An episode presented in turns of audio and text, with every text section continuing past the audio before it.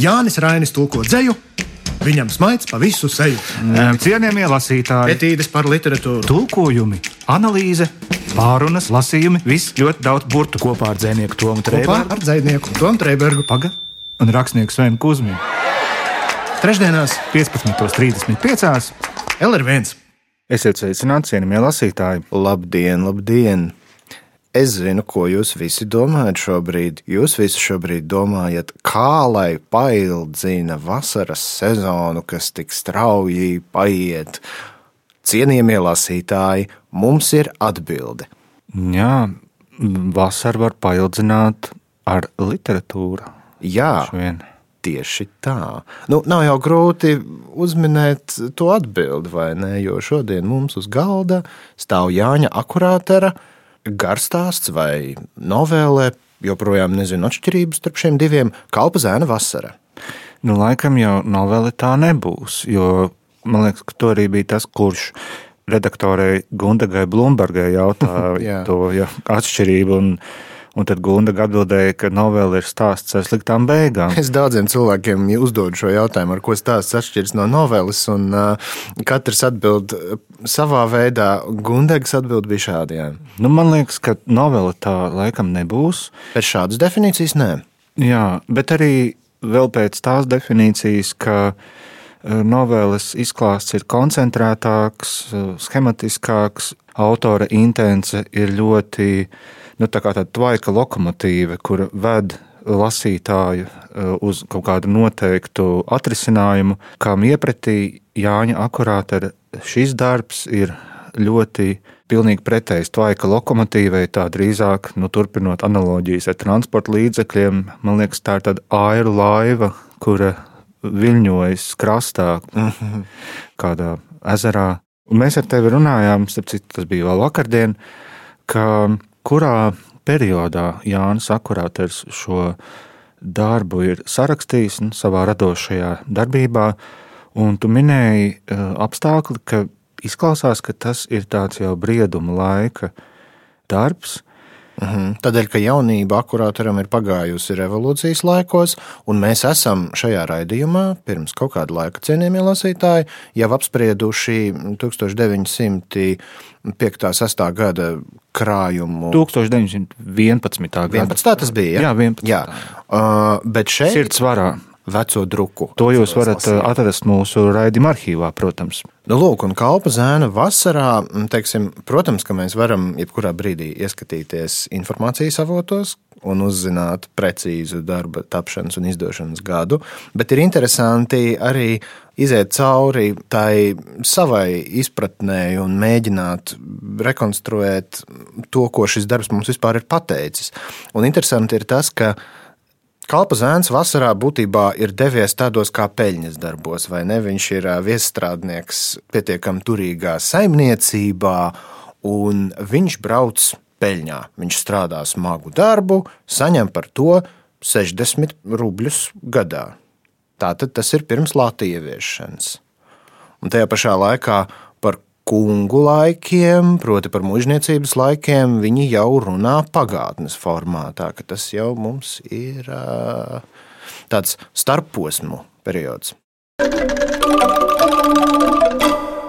Jā, nu, tā tad atgriežoties pie tā vecuma posma, akurāteram ir 32 gadi, kad viņš saraksta šo mm. darbu, un tas tiek arī publicēts. Man liekas, ka tā droši vien arī ir pavisam cita brieduma pozīcija, kā mēs par 32 gadiem varam spriest mūsdienu cilvēku kontekstā.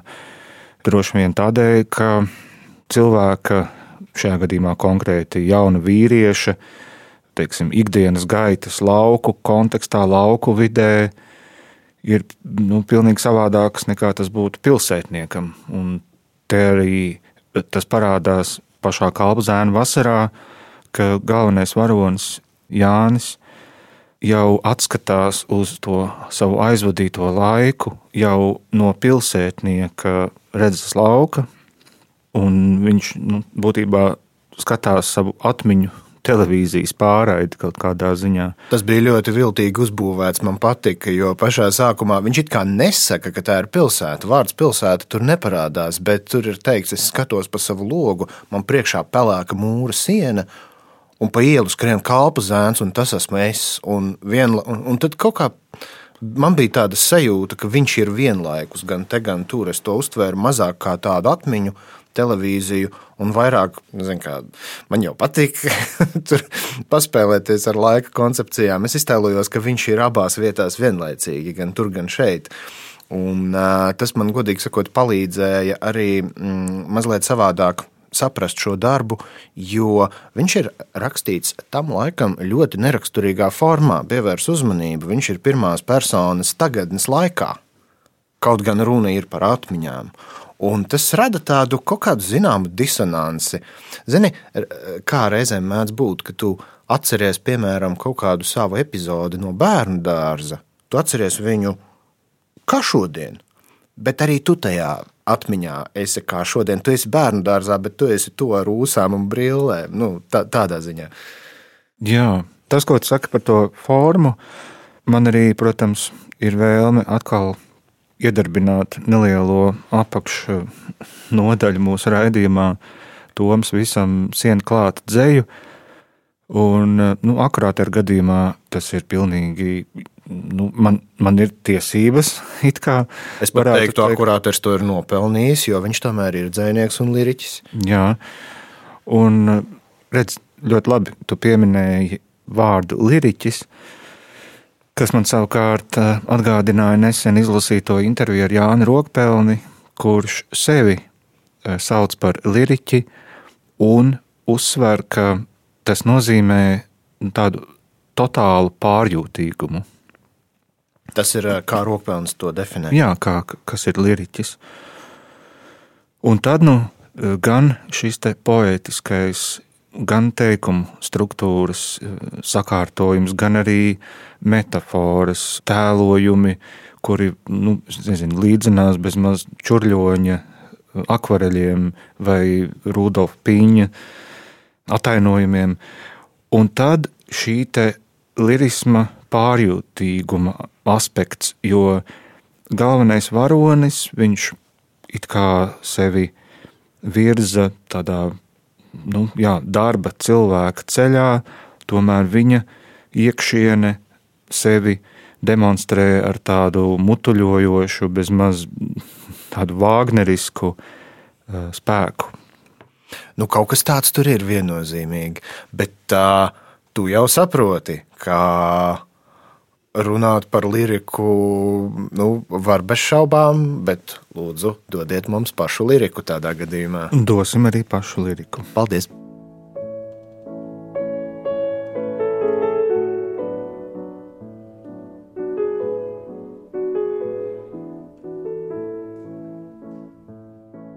Dienas iet un nāk, iet un nāk, un tik līdzīgas viena otrai, ka saplūst visas vienā garā dienā un tomēr starp viņām ir dažas skaistas, kā uzziedējušas saules puķis kaut kur aiz sakritušas sētas, sen redzētas kā jaunas meitenes, kuras man reiz ceļā nāca un kuru smieklus redzēju, smieklus un dobītas uz vaigiem un lūpu samulsumu.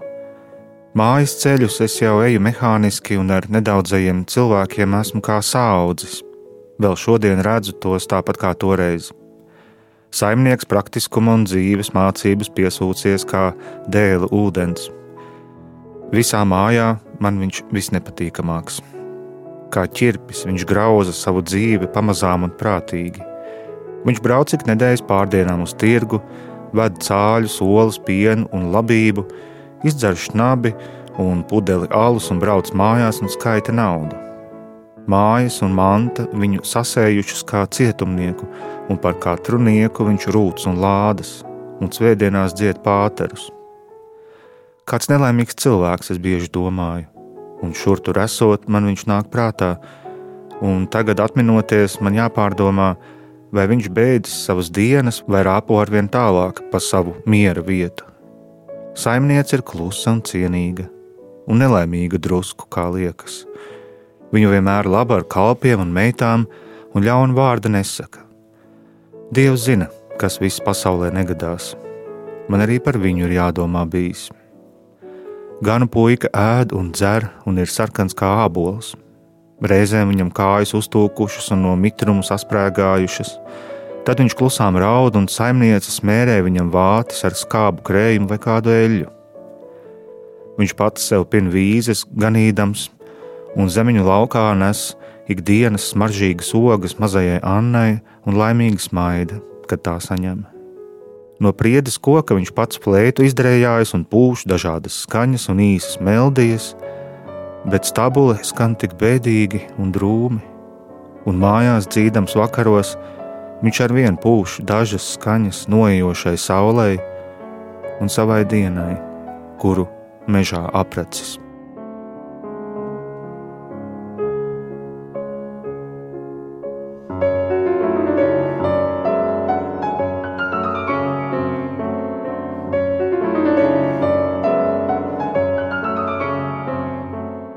Cienījamie lasītāji, mēs ar Tomu Trēbergu un Jāni Akurāteru pagarinām vasaru ar stāstu Kalpa zēna vasara.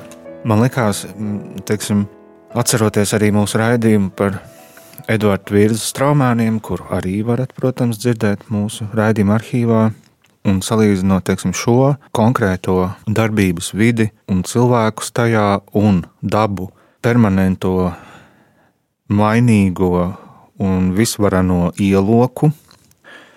Man liekas, ka akurātam ir izdevies cilvēkus kā darbības tēlus vairāk sapludināt kopā ar dabu, nu, tā kā tādā sēpīs vai nezinu, kaut kādā tonālā plūdinājumā, kamēr virzam viņi ir vairāk kā tādi simboli, kā nu, atceries bija bērnu dienās tie žurnāli, kur meitenes grieza nu, tās figūriņas, un tur līmēja kleitas vai kaut kādas bikses, jā, jā, nu, tās, tās piegriezniņas, ar kurām aizāķēt kleitu aiz papīra pleciem. Nu, jā, man liekas, ka virzam, lūk, šie cilvēki ir tādi, kā es minēju, šīs figūriņas, kuras tā tad ir jāizgriež. Un es domāju, ar ko tas ir saistīts. Un šķiet, ka tas ir saistīts ar autora intenci, autora nodomu. Virzam, es pieļauju, es spekulēju, nebalstos šobrīd nekādos literatūras zinātniskos atzinumos, bet man šķiet, ka virza ir vēlējies dot nacionāli spēcīgu tādu simbolu, varētu pat teikt, latviedzības tēvreizi, kaut kā tam līdzīgi, kamēr akurāters runā par cilvēku, par jauna cilvēka metamorfozēm, pārvērtībām un nu, būtībā jā, pievelkot vēl klāt Henriju Davidu Toro un viņa leģendāro filozofijas darbu Valdena, ko nozīmē ļaut sevi pilnībā paņemt dabai, tā varētu teikt. Interesanti, ka tu pieminēji tieši šo aspektu, jo es arī, protams, nevarēju neaizdomāties par kopīgo un atšķirīgo ar virzes straumēniem. Un vispār ar to lauku literatūru, kuras nu, latviešu literatūras vēsturē ir ļoti daudz, bet straumēni droši vien ir viens no spilgtākajiem un tādiem nu, klasiskākajiem darbiem šajā jomā. Un man savukārt ļoti iespiedās atmiņā daudz kas no straumēniem, bet lasot kalpu zēna vasaru, es mēģināju nu, iziet cauri visam tam, kas man ir palicis no straumēniem, kā lasītājiem. Un es secināju, ka šķiet, neviena aina ar cilvēkiem man nav palikusi vispār. Respektīvi, tur tā cilvēka varēja tikpat labi arī nebūt. Atceros tikai, ka vectētiņam bites bija kā dieva radībiņas. Un, uh, un ka plūdus tur var būt kaut kādus glābi. Bet arī tie cilvēki bija drīzāk tādi instrumenti dabas apkopšanai, laikam tā. Un līdz ar to man bija sajūta, ka straumēnos, nu, es nevarētu laikam vārdu nacionāls tur piekabināt klāt, jo, jo tur nekā sabiedriska nebija. Tur ne, bet, na, saprot, nav jau nacionāls, nenozīmē sabiedrisks. Nacionāls nozīmē, nu, kā es minēju, to, to latvietības komponisti komponē pacelājošas kora dziesmas, un, un virzam tas ir kā kā kaut kāds kauss, kur uzlikt augstākajā tempļa vietā. Tam nav mm. saistības ar sabiedrību, tam ir saistība ar to nācijas vērtību kodolu, tā varētu teikt. Mm. Un, un akurāters ar to nenodarbojas. Viņš no. nodarbojas ar cilvēku. Tieši tā, akurāters ir ieinteresēts tajos personāžos, kurus kalpa zēns satiek.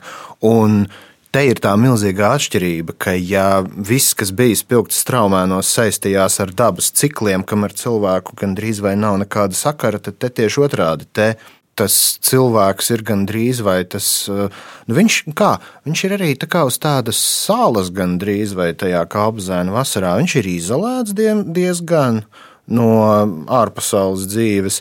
Un tad viņš tur satiekās ar tiem pāris puišiem un meitām.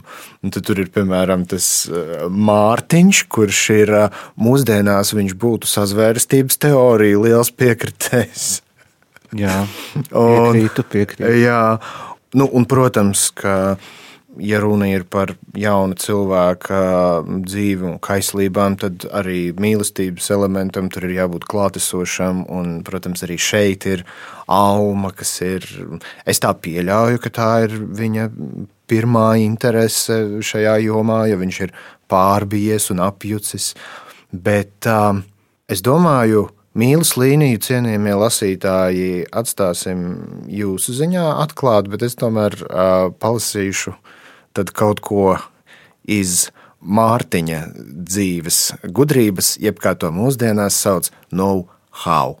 Jeb latviešu sakot, zināt, kā. Jā, zin kā. zin kā.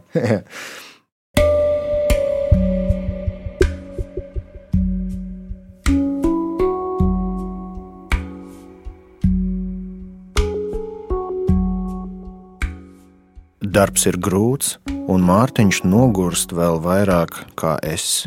Viņš sāk runāt klusi, pazemīgi, it kā sūdzēdamies, un pēc tādām reizēm nāk dažādi stāsti par senām dienām.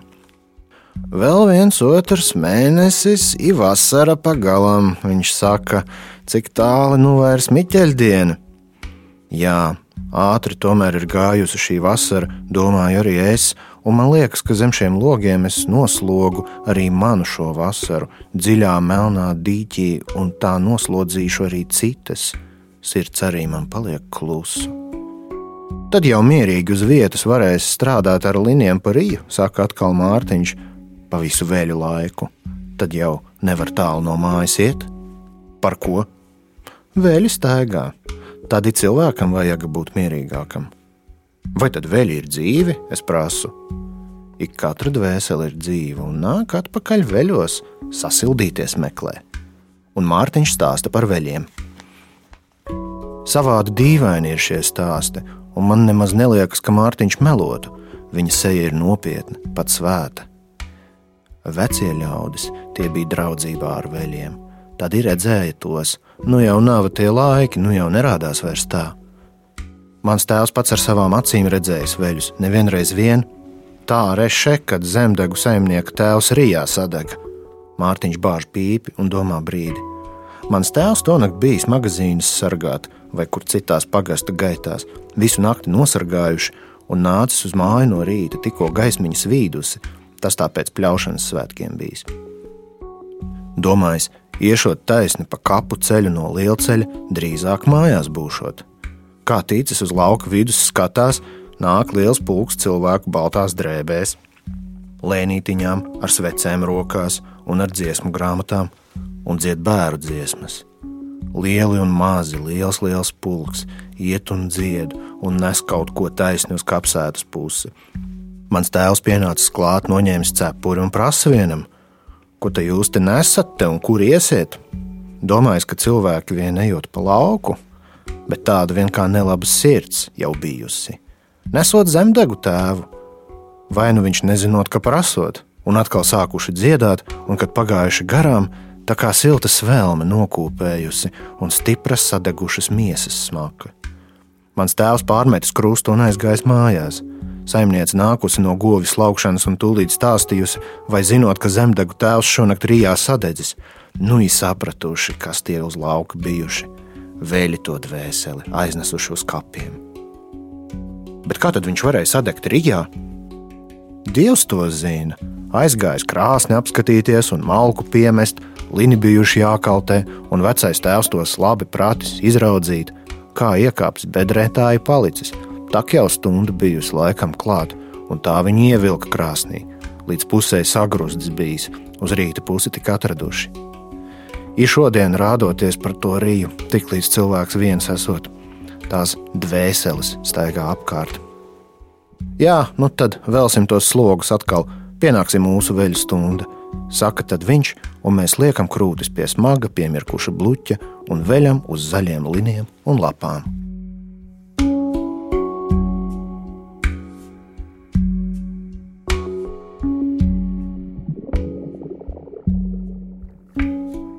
Es domāju par to, ka kā tas ir nācies, ka mums nav filmas, kas būtu veidota pēc šī darba. Laimīgā kārtā Auls Hermans ar savu jaunāko aktieru kursu, ja nemaldos, 2018. gadā iestudēju šo darbu, bet manuprāt, jā, tas ir dīvaini, ka nevienam režisoram vai scenāristam nav ienācis prātā šo darbu ekranizēt. Un varētu jau likties, nu, kur tad ir konflikts un tam līdzīgi. Bet eh, konflikts, manuprāt, ir tajā Jāņa iekšējā cīņā ar saviem apstākļiem un ar to, kā viņš pats to nosauc, ka viņš ir devis sev zvērstu ar spārniem laisties pāri visaugstākiem kalniem, vispirms to attiecinot uz savu izglītību, uz saviem ideāliem, saviem centieniem, izzināt, izglītoties, attīstīties. Pēc tam arī tur parādās, protams, Alma, un viņš viņai zvēr, ka viņas dēļ arī celtos šajos spārnos. Manuprāt, tas ir šis konflikts, un laikam jau gadu gaitā kinematogrāfistiem tas nav šķitis kā pietiekami auditoriju sapulcinošs materiāls, lai nu, tā mm. izveidotu kino. Nu, tu liki aizdomāties, kā teiksim, varētu režisoriski to atrisināt. Un es tagad domājot, atdūros pret to, ka tur ir liela daļa tā stāsta ir nevis notikumos, jo nav jau īsti nekādu tādu spraigu notikumu, bet viņi ir drīzāk tajā valodā. Tas ir nevis tas, kas ir izstāstīts, bet tas, kā ir izstāstīts. Jo, piemēram, ja tu paņem vienu aprakstu, kur akurāters ir nu, noraksturojis tur miglainu lauku, no rīta pirms darbiem, un tu zini, kas tevi sagaida uz tā lauka dienas gaitā, bet pagaidām vēl tā migla, un viņš ir aprakstījis, kā tas viss ietekmē vispār to varoni. Nu, zin kā, viss tas, kā viņš to ir aprakstījis, nu, kas kinematogrāfiski būtu jāliek tam priekšā, bilde ar miglas lauku, bet tur pazust atkal redz tā valoda. Bet ir, ir, tāda, ir tāds triks, ko sauc par aizkadra balsi. Jā, varbūt. Bet tad atkal nevarētu ilustrēt vienu un to pašu. Cienījamie lasītāji, ja starp jums ir režisori. Jā, esiet ļoti vērīgi un tiešām aicinu jūs pārdomāt, jo nav gluži tā, ka šis būtu neiespējami ekranizējams darbs, jo nu, atliek tikai ieraudzīt atslēgu, jo manuprāt, šī cilvēciskā un dabas miedarbība ir nu, viens no tiešām izcilākajiem piemēriem mūsu literārajā mantojumā. Un, man liekas, arī būtu pelnījis vēl kaut kādas transformācijas citās mākslas izpausmēs. Mākslā tas forši, ka tur vispār maz kas ir neiespējami. Nu, Lūk, cienījamie lasītāji, visu labu un tiekamies nākamreiz, bet es dzirdu vēl dziesmu skaņas un redzu, kā baltie tēli aiziet. Visu labu! Jānis Rainis tulko dzēju. Viņam smaids pa visu seju. Cienījamie lasītāji, etīdes par literatūru, tulkojumi, analīze, pārunas, lasījumi, viss ļoti daudz burtu kopā ar dzinieku Tomu Trēbergu. Ar dzinieku Tomu Trēbergu. Paga un rakstnieku Svenu Kusminu. Trešdienās, 15.35. LR1.